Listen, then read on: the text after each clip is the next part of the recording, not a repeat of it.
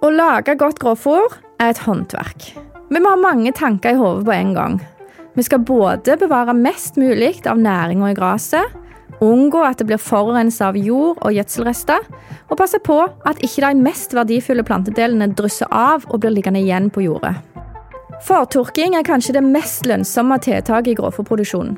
Vi vet at rask og jevn tørking av gresset gir best gjæringskvalitet, og dermed er en av nøklene for å få dyra til å ete mye grovfôr. Det er kjempeviktig om vi skal nå målsetningen om høyere norskandel i maten til dyra våre, og en bedre økonomi på gården. I denne episoden skal vi snakke om hva som må til for å lykkes med å tørke og samle sammen gresset, sånn at vi får best mulig kvalitet og økonomi. Du hører på podkasten Bondevennen. Mitt navn er Ingvild Luteberget Nesheim.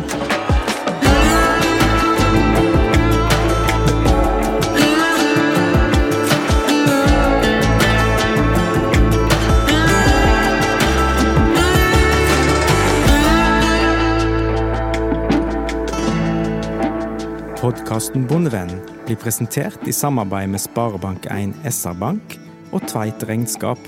Vi bidrar til at bonden lykkes. Innimellom så er det vanskelig å tørke gress, og vi har ulike utfordringer. Langs kysten så har en gjerne ofte godt med vind, men fuktigere luft og havtåke som ødelegger tåken. Du hører nå på Magnus Haugland.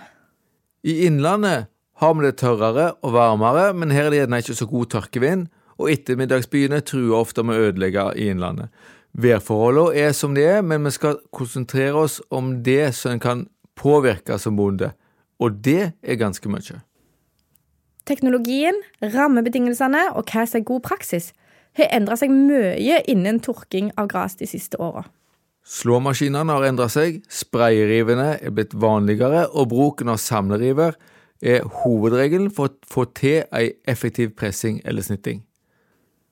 Kostnadene for plast, ensileringsmiddel og diesel har gått opp mye.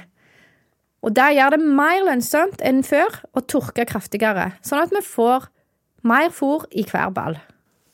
Det gjøres stadig forsøk og tester for å sjekke etablerte sannheter og gi mest mulig oppdatert kunnskap tilpasset dagens utfordringer.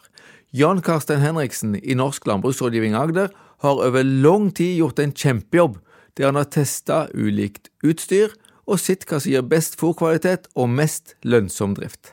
Jan Karstein har bl.a. sett på de ulike slåmaskinene sin evne til å gjøre en god jobb.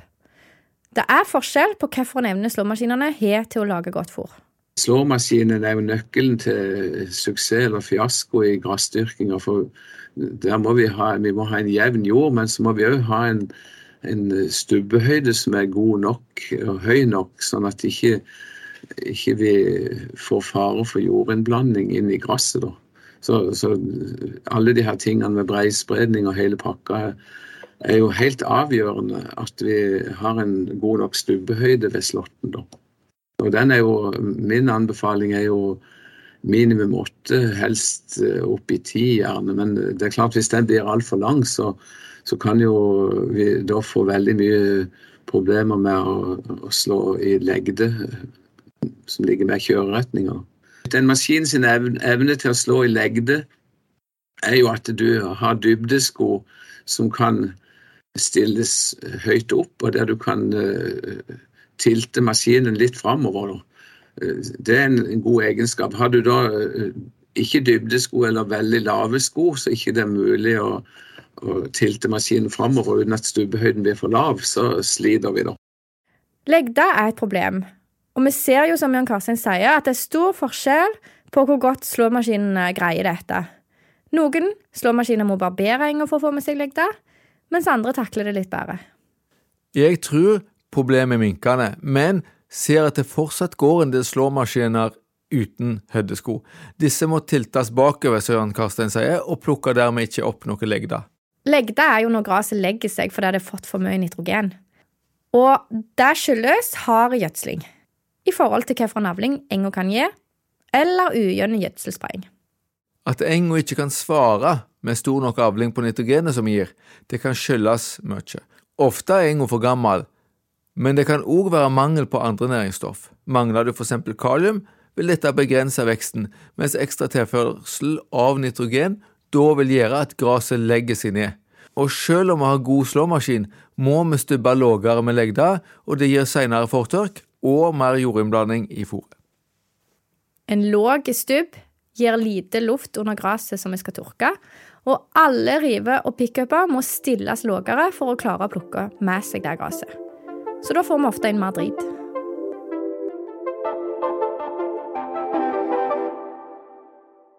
Tidligere var det vanlig å legge gresset i streng. Det vil si at slåmaskinen samla gresset i ei stripe etter seg, sånn at det skal være lettere å plukke opp. Når gresset ligger sånn i streng, så vil det nederste gresset ikke tørke noe særlig, men heller starte nedbrytning. Det blir ei slags kompostering inni strengen. Dette gresset vil også være vanskeligere å ensilere, fordi sukkeret her ofte blir ete opp, og mye av proteinet etter hvert blir brått ned til ammoniakk. Ammoniakk er en base, altså det motsatte av ei syre, og da er det ikke lett for ensileringsprosessen å senke pH, sånn at siloforet blir surt. Det er to måter å stoppe nedbrytningsprosessen på. Få gresset tort, eller få gresset lufttett i silo eller siloball. En mjødloting, der gresset verken er tort eller pakka i silo, det er dårlig. Derfor må vi ha så rask fortørking som mulig. Et annet alternativ er å samle gresset raskt i sammen uten skikkelig fortørk, for å få det pakket raskt i ball eller silo. Men det er veldig dyrt med dagens plast- og dieselkostnader. Det er forskjell på hvor godt de ulike slåmaskinene legger forholdene til rette for god fortørk. Valg av slåmaskin påvirker derfor hvor godt vi klarer å holde kvaliteten på fôret. Og det har Jan Karstein jobba mye med. Altså Det som, eh, som har vært den tradisjonelle gamle metoden, har jo vært strengelegging. Da, og da får du en veldig tjukk streng som tørker dårlig, og som vinden uh, får lite tak i, og sola òg for lite tak i. Så det som uh, er det ultimate uh, beste fortørkinga du kan oppnå, det er jo når, når gresset ligger helt jevnt over hele slåingsarealet, og det er det optimale. Men så er det veldig mange maskiner som ikke klarer det, da selv om de skal breispre. Og, eh, og det som er det at en trepunktmaskin, den har jo ingen hjul og noen ting til å, som gresset skal ledes imellom. Så det er veldig Vanligvis er trepunktmaskiner veldig gode til å breispre. Men så har du de maskinene som har hjul, altså slepere, da. Der er det veldig forskjell på de ulike merker, hvordan de gjør. Og, vanligvis så kan jo maskinene stilles i, i strenge bredde da, med, med, ledevinger bak. Da, sånn at du kan jo velge å ha en maskin som kan spre breispredning eller strengelegging. Da. Men den store utfordringa er jo maskiner som har hjul, så, så, egentlig så leder gresset inn mellom hjulene til en smal streng, og så er det spredeplater bak som prøver å spre det utover. Og da får du gjerne en veldig tjukk masse på midten, og så får du en del masse eh, på kanten, da, men, men, eh, det er ikke lett å lede gresset ut igjen. da.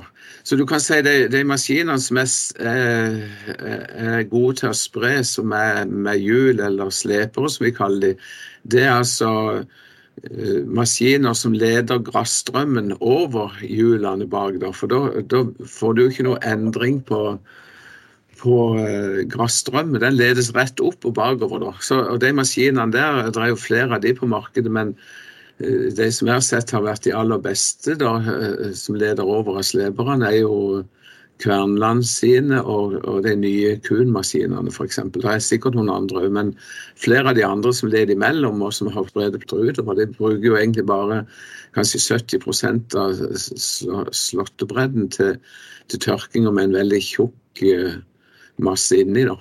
Men det er veldig forskjell på hvordan maskinene legger gresset etterpå òg. Noen legger jo gresset nesten Særlig de maskinene som er uten stengelbehandler.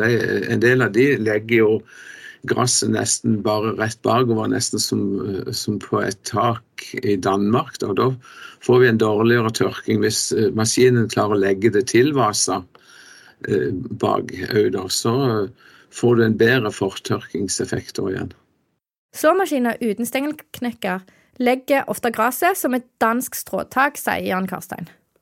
Stengelbehandler, eller krimper, er disse tinnene som går rundt bak på slåmaskinen og knuser stengelen og kaster gresset videre bakover. Hensikten er å få bedre tork, men dette er dyrere slåmaskiner som også krever større traktor og mer diesel. Norsk landbruksrådgivning har gjort mange forsøk opp gjennom åra for å finne ut om det lønner seg å kjøpe slåmaskin med stengelbehandler. Hvor tort du vil ha fôret, avgjør om du trenger stengelbehandler, eller krimper, som de kaller det. Når du har en, en gressplante med strå og blad, så vil alltid strået ha mer eh, overhud, det vil være tjukkere, det vil være mindre utsatt for tørking. Så det er bladene som tørker raskest. Og så er det sånn at eh, at første dagen du slår, og opp til ca. 28 tørrstoff, så er det en forbindelse i planten som funker mellom strå og blad. Og det vil si når bladet først tørker fortest, så vil, vil eh, vann dras ut av strået inn i bladet og tørke derifra. Men når, når, når gresset har overnatta, for å si det sånn, Eh, eller tørrstoffinnholdet uansett på slåttetann kommer over 28% så brytes den forbindelsen mellom strå og blad. Og da vil strå og blad tørke uavhengig hver for seg. da. Eh, og det gjør jo da at, eh, at effekten av en Altså hvis du da har helt samme breispredningsgrad og samme tilvasing i gresset med og uten stengelknekker, så forskjellene mellom maskin med uten stengelknekk og første tørke, da, eller opp til 28% er mindre. Men neste tørke da, eller når gresset kommer over 28 eh, på slåttedagen, så vil et stengelbehandla gress tørke fortere enn et uten stengelbehandler. Du trenger stengelbehandler dersom du skal tørke gresset over 28% tørrstoff. Og 28% tørrstoff er for vått hvis du skal ha det i ball. Så blad til silo gir for mye plastbruk om en bruker rumball. Stort forbruk av syre og stor sjanse for feilgjøring, sånn at dyra eter for lite grovfôr. Til nå har vi konkludert med at det blir best fôr av å breispre og bruke slåmaskin med stengeknekker. Utfordringen er at dette må rakes sammen. Ved særdeles blaute myr og vanskelige forhold så kan vi få et dilemma det, det, som eh, vi gjør på Agder, er at de som har veldig bæresvak jord, myr, og der det blir veldig mye stygge spor etter kjøringene, så, så eh, anbefaler jo jeg at folk eh, slår direkte i streng. og Ingen vending og ingen raking det er bare å plukke det rett opp med press eller innsamling igjen. Det er på bæresvak jord. Men altså, en, en maskin som legger i streng, den blir nødt til å ha stengelbehandler, så tørker jo ikke den strengen noen ting. Konklusjonen er at hvis vi ikke har noe valg og må legge gresset i streng, da skal vi ha stengelbehandler. Sprayeriver som kaster gresset utover, har blitt stadig mer vanlige.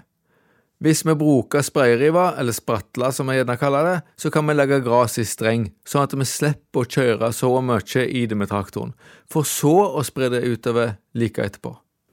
Forsøk viser at vi får raskest fortork og best kvalitet hvis vi kjører den spratleriva veldig kjapt etter at slåmaskinen har gjort jobben sin.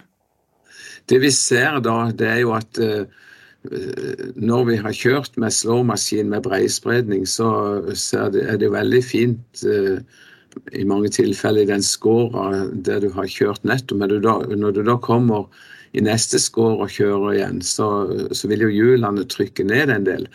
Så det som vi ser er at uh, I det forsøket vi så i fjor, så hadde vi en veldig god uh, oppløfting av gresset med spredrivet i hjulsporene. Og vi fikk jo òg det mye jevnere, da. Eh, på en og en halv dags fortørking da, fra slottene, den ene dagen og så pressing neste ettermiddag, så fikk vi en, eh, en tørrstofføkning på 4-5 prosentenheter med å bruke sprederive. Når jeg da har rent økonomi på det med rive, så må vi ha 4-5 prosentenheter økning i tørrstoff for at uh, sprederivet skal lønne seg da, hvis du eier den alene på en gård på 300 dekar. Da. Hvis du har den i sameie, så, så trenger vi bare ca. 2,5-3 tørstoføkning. da. Ofte så har vi korte værvindu til å tørke gresset på. Og da er sprayriva effektivt, og det lønner seg fordi at vi klarer det innenfor det værvinduet vi får. Forsøk viser at gresset blir torrere i hele gressmassen når vi bruker sprayriva. Men når vi håndterer veldig tort gress, så kan vi også få tap på jordet med at mange av de næringsrike plantedelene drysser av og blir liggende igjen på bakken. Det vi kaller for drysstap. All håndtering kan gi drysstap, men feil bruk av utstyret gir høyere drysstap og i verste fall innblanding av jord. Vi har snakka med Leif Harbo. Han jobber som maskinentreprenør og er veldig opptatt av kvalitet i arbeidet. Han driver òg gard, og vi ser at dyra hans de vokser og melker veldig godt på veldig lite kraftfôr. Så det tyder jo på at han har evnen til å lage et ekstremt velsmakende og godt grovfôr. Og før vi er på Leif, så tar vi en liten begrepsopprydning. Ja, for vi kaller det gjerne for spratleriva, men vi kaller det også for sprayeriva, og så for å gjøre forvirringen komplett, så kaller Leif det for venneriva. Eh, ut av en slåmaskin så er gresset ganske knytt og kompakt. For det om det er gått gjennom en strengknekker, så ligger det likevel litt sånn Det ligger kakete. Og vi er ganske raske med å kjøre venneren bare etter et par timer. Og så er mer enn at vi er opptatt av perfekte breislåing, så er vi opptatt av å ikke kjøre gresset ned når vi slår det. At vi prøver å holde gresset vekke ifra hjula på, på, det som vi kjører med. Og så, når venneriva kommer etterpå Vennerivet, de arbeider med to, rotere, to og to rotere i par. Så er det bare hvor mange par du har da. Og vennerivet, det kjører vi likt som med samlerivet. Vi begynner med et turtall som er litt tåligere. Vi begynner og så legger vi på turtall. Det vi ønsker å se skjer, det er at disse rotorene de arbeider i par. Og To rotorer samler gresset sammen, og så blir det revet fra hverandre. Og Det vi vil se da, er jo at gresset blir skikkelig revet fra hverandre i det møtepunktet på midten. Og etter at du er kommet forbi det punktet, så trenger du ikke legge på noe mer turtall, noe mer belastning. Du trenger ikke rive det noe mer sånt. Og når gresset er blaut, så trenger du en hel del omdreininger for å klare det. Men etter hvert så det blir torrere, når du kjører andre og tredje og flere ganger med venneren, så senker vi farten på det for å unngå bladtap. Hvis at du bare kjører kjører opp i nominelt turtall, 540 liksom, og, og lukker bakruta og ser fram, og ikke er oppmerksom på hva som skjer, ja, selvfølgelig, da har du et stort, fort et stort bladtap. Så tror jeg at drysstapet, det er Det er en håndverkstabbe. Leif snakka her om flere overkjøringer med sprattelriva. Skal vi kjøre mange ganger over, da er det for å lage høy eller høyenslosje. Til silo og rundball så tørker vi ikke så kraftig. En overkjøring med sprayriva er det som er anbefalt. I silo så ønsker vi ikke så mye over 30 tørrstoff, mens i ball kan vi godt ha 40 pluss. Dess mer bladrikt gresset er, dess mer krevende er det å insulere, og da er det viktig å tørke godt. Bladrikt gress, sånn som svært tidlig høsta gress eller andre- og tredjeslått, det er veldig lette å pakke godt sjøl om det er tort. Derfor kan vi tørke dette mer, uten risiko for mye luft i massen. Derfor er andre- og tredjeslått mindre utsatt for varmgang i silo eller myggel i rundball, sjøl med høy tørsteprosent.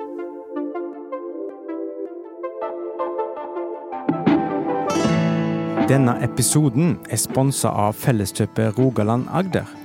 Felleskjøpet arbeider hver dag for din lønnsomhet som bonde, og for lokal og norsk matproduksjon.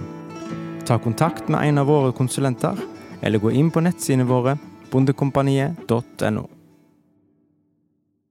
Samleriver brukes av de aller fleste etter hvert. Både de som breisprer og de som legger i streng, for å få mer effektiv opplukking med rundballepresser eller finsnitter. Leif Harbo er blant de som er veldig opptatt av samleriva. Han har flere gode poeng. Et av de er at den som rager, bør være den dyktigste maskinføreren.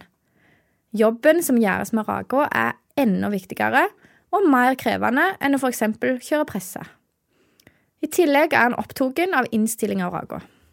Jeg har vært veldig mye rundt og sett, og rage er en ting som jeg sniker meg bortom og ser litt grundigere på hvis jeg ser ei. Og det er sjelden at jeg ser det i nærheten av bra og i nærheten av rett, hvordan den er satt opp og innstilt. Jeg tenker jo at å stille inn ei rage, det skal skje på en sånn grunninnstilling av ei rage. Det skal skje på et flatt betonggulv eller på, på god asfalt. For at ei rage, den skal ikke ligge plant. Den skal ikke være vadder. Ei rage med en rotor, den begynner ytterst med lite belastning, fortsetter runden inn mot strengen, og mer og mer gress blir lagt på. Belastninga på tinna og hele armene blir større og større og presser oppover. I tillegg så kommer du inn bak hjula til traktoren. Der gresset ligger tyngre ned på marka, og der grunnen er presset litt ned hvis dette er mjukt. Så da, hvis du har ei rake som går plant, så og får med deg alt i hjulsporet bak traktoren, så har du fått med deg veldig mye forurensning ytterst.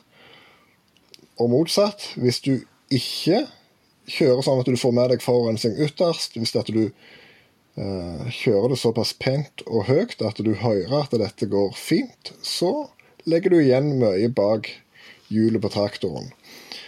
Og det er jo der vi må vi gjør en grunninnstilling så gjerne er 3-4 cm eh, høyere ytterst enn innerst.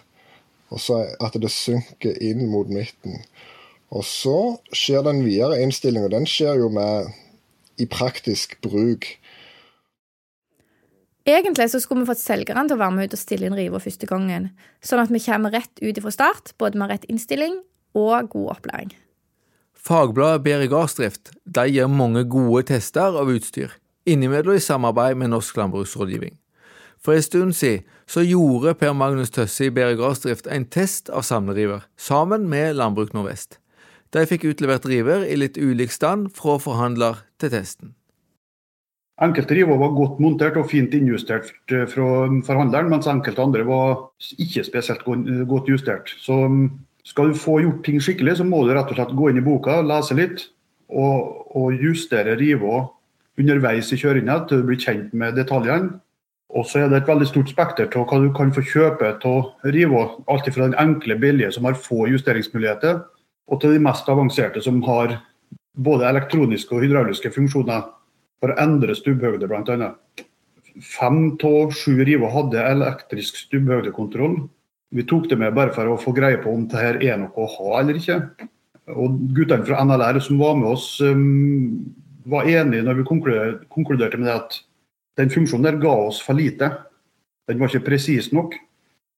Og Ofte måtte du ut og sjekke bak riva hva som hadde skjedd, for å få greie på om resultatet ble godt eller ikke.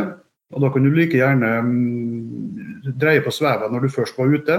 Så det å bruke ekstra penger på de elektriske høydekontrollene ga ikke nok uttelling, syns vi. Det var kun en leverandør, Krone, de hadde en fin løsning. for at um, De hadde en elektrisk styreboks der det var høgda på tinnene var angitt med et tosifra tall.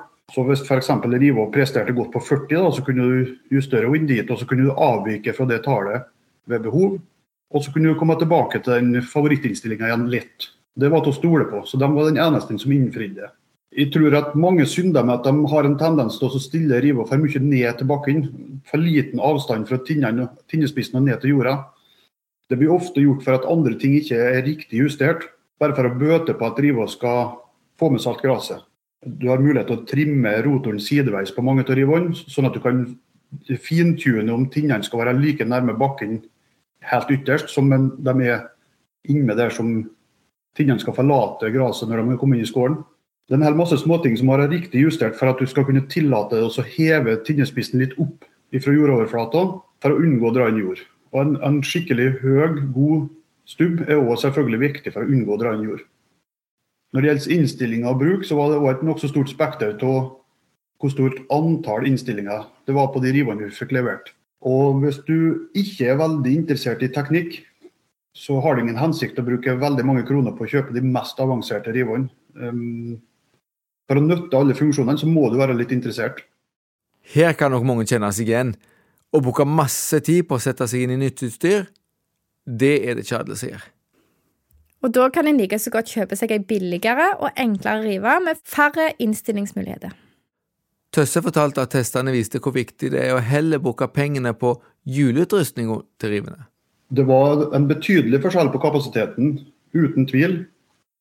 Um, og de, den riva som tapte mest på kapasitet, hun hadde en tinne som ikke var god, godt utforma og hadde få hjul inne i rotoren. Og Det førte til at du rett og slett måtte kjøre mye saktere for at du skulle greie å få med seg alt gresset, og det ramma selvfølgelig kapasiteten. Den riva som gikk fortest, hadde mange hjul inni, inni rotoren. Hjula var godt plassert helt ut til periferien, og i tillegg så hadde du nasehjul. Og Summen av dette er at vi kunne driste oss til å kjøre virkelig fort også der det var ujevnt terreng.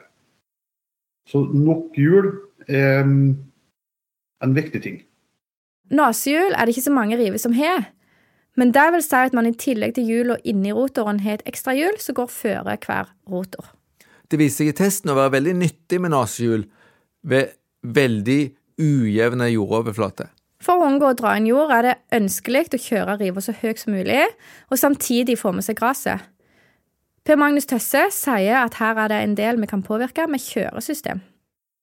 Det er nå alltid sagt at en høy og god stubb er ønskelig, men så kommer du borti vilkår der gresset allerede har lagt seg pga. regn f.eks. Ehm, da må du gjerne ta hensyn til at hvis gresset er slått og lagt seg i én retning, så er det en stor effekt å kjøre riva i motsatt retning. Sånn at du raker imot stubben. Det vil få stubben til å stige litt opp, og at du får litt gratis der. Eh, hvis du tenker oss at været har kommet fra vest, da, som vi er vant til vi som bor på Vestlandet, så mm, har du en fordel med å kjøre traktoren mot vest. Det er ikke alltid du får til det i praksis, men klarer du å få til det, så får du litt gratis med at, stubben reiser bust. Hvis du ikke lykkes med å kjøre i henhold til værretninga, så har du en stor gevinst til å kjøre mot slåtteretninga. Leif Harbo fokuserer veldig på hastigheten på riva. Går raga seint, kaster den ikke alt skit den treffer på, inn i ranken med gras. Når vi rager, så skjer det veldig sjeldent på 540 omdreininger. Det er unntaksvis. Da skal det være tungt og mye og krigstilstander, skulle jeg si, i, i grashverdagen. Når vi starter raga, så begynner vi ifra bunnen av, og så legger vi på turtall til dess vi ser at raga arbeider fint. Og vi har sett mye at det ligger fra 380 til 420 omdreininger, kanskje. Og så høyere til tyngre og blaudere det er, og lavere til torrere det er. Særlig når vi rager til rundballer, så er jo formen på strengen en viktig ting for å få ei god fylling i de rundballene. Vi tenker om rundballepressing som å rulle inn en dorull. Og den ranka, den må være forholdsvis flat og jevn, og ha en bredde som er tilpasset den rundballen. Det handler om å sette passelig fart på rotoren, sånn at du får et kast i dette gresset, sånn at det legger seg passelig inn til midten. Ikke et tårn i midten, og ikke en svikt i midten. Passelig. Og Så kan du òg justere ut og inn på rotorene for å i tillegg da klare rett bredde på ranka. Ellers er det jo egentlig eh, så lite omdreininger som en har finner fornuftig. Det er kun fordeler med å senke farten. For når du da kommer borti merka og kommer borti ting som du ikke vil ha med, så er det bedre sjanse for at raketinnene slurer over det istedenfor å ha som et moment at alt blir dratt inn uh, i, i fôret. Og jeg tenker at Raging det skal skje med i alle fall vinduet på gløtt, helst åpent. Og det skal ikke skje med hodet framover hele veien og peltårene på. Dette skjer ut bakruta. Men ha nå på peltårene til du er ferdig med å høre episoden vår, i alle fall. Men når episoden er slutt, da kan du ta de av. Ja. Bakruta, den kan stå på gløtt for å høre etter de der, men vi anbefaler ofte ikke å kjøre med vidåpen bakrute. Spesielt ved kjøring med slåmaskin og håv har vi sett en del stygge ulykker med stein som blir kasta inn i førerhuset og treffer sjåføren i bakhovet. Rotorene på riva bør ikke gå så fort at det blir et problem. Men det blir gjerne nok støv allikevel. Så ha den på gløtt.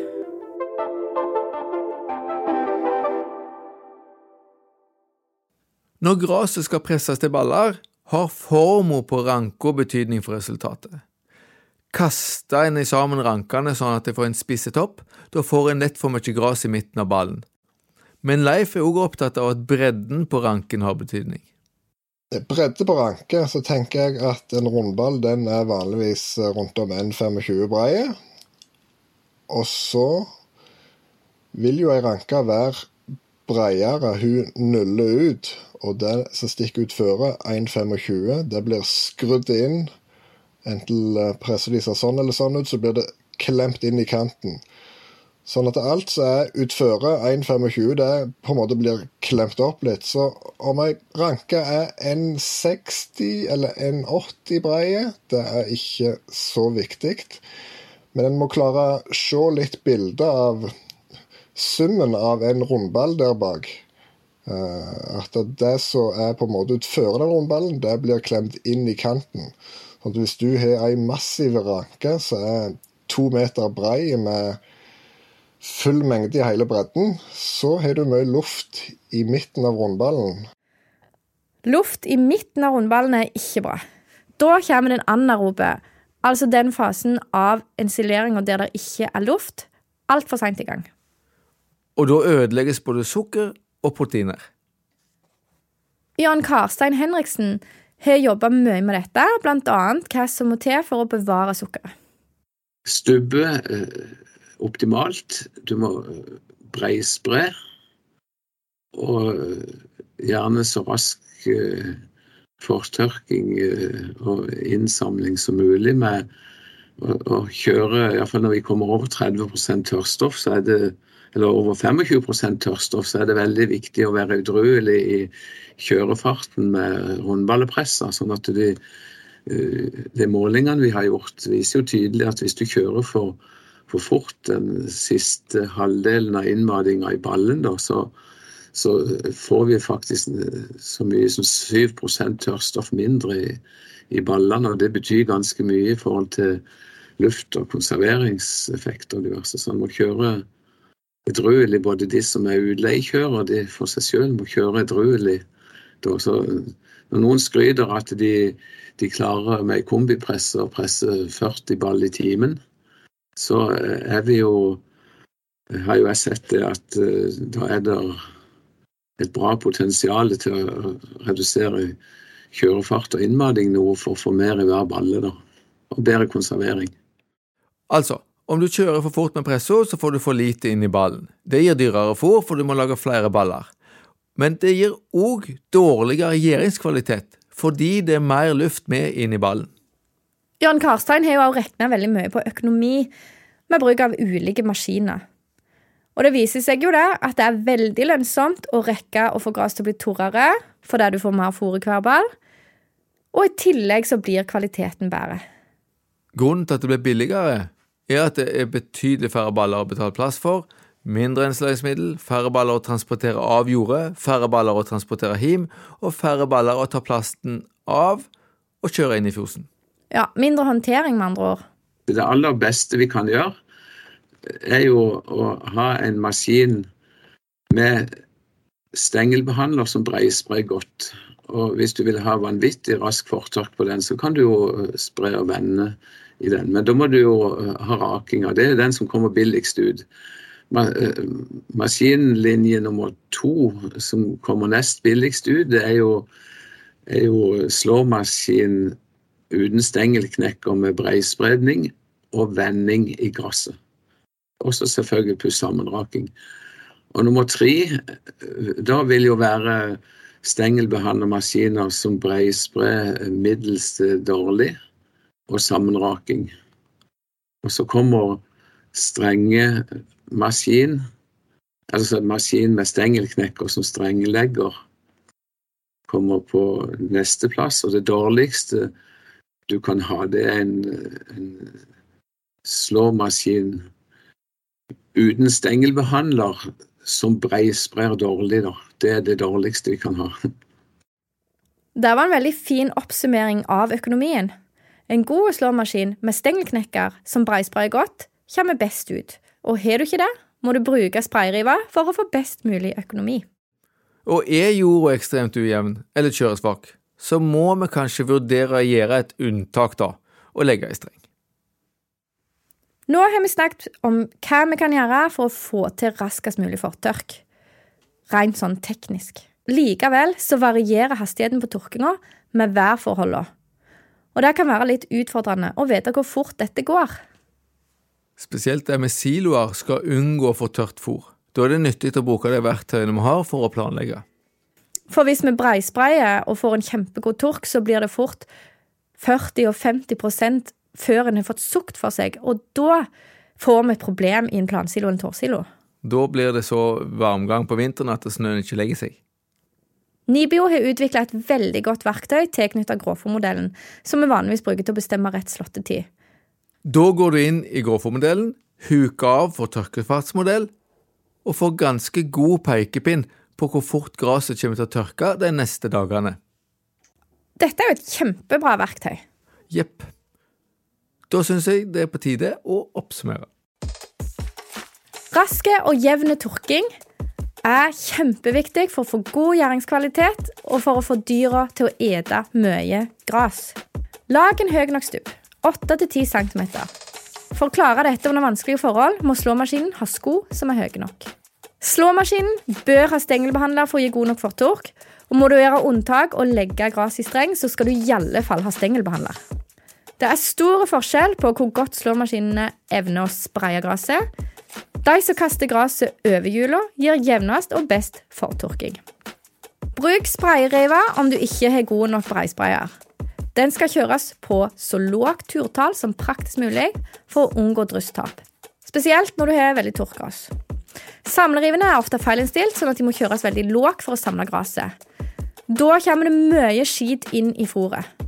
Så senk turtallet på samleriva så mye som mulig. Da kaster vi ikke forurensning inn i gresset når vi er uheldige. Du har hørt på podkasten Bondevennen. Mitt navn er Ingvild Luteberget Nesheim. Og jeg er rektor ved Vinterlandbruksskolen i Ryfylke. Og mitt navn er Magnus Haugland. Jeg er lærer ved Vinterlandbruksskolen i Ryfylke og rådgiver i Norsk landbruksrådgivning Rogaland. Har du spørsmål eller tilbakemeldinger, så kan du sende oss en e-post på podkast at bondevennen.no. Episoden er spilt inn i ABC Studio i Etne. Lyd ved Stig Morten Sørheim. Takk for at du hørte på.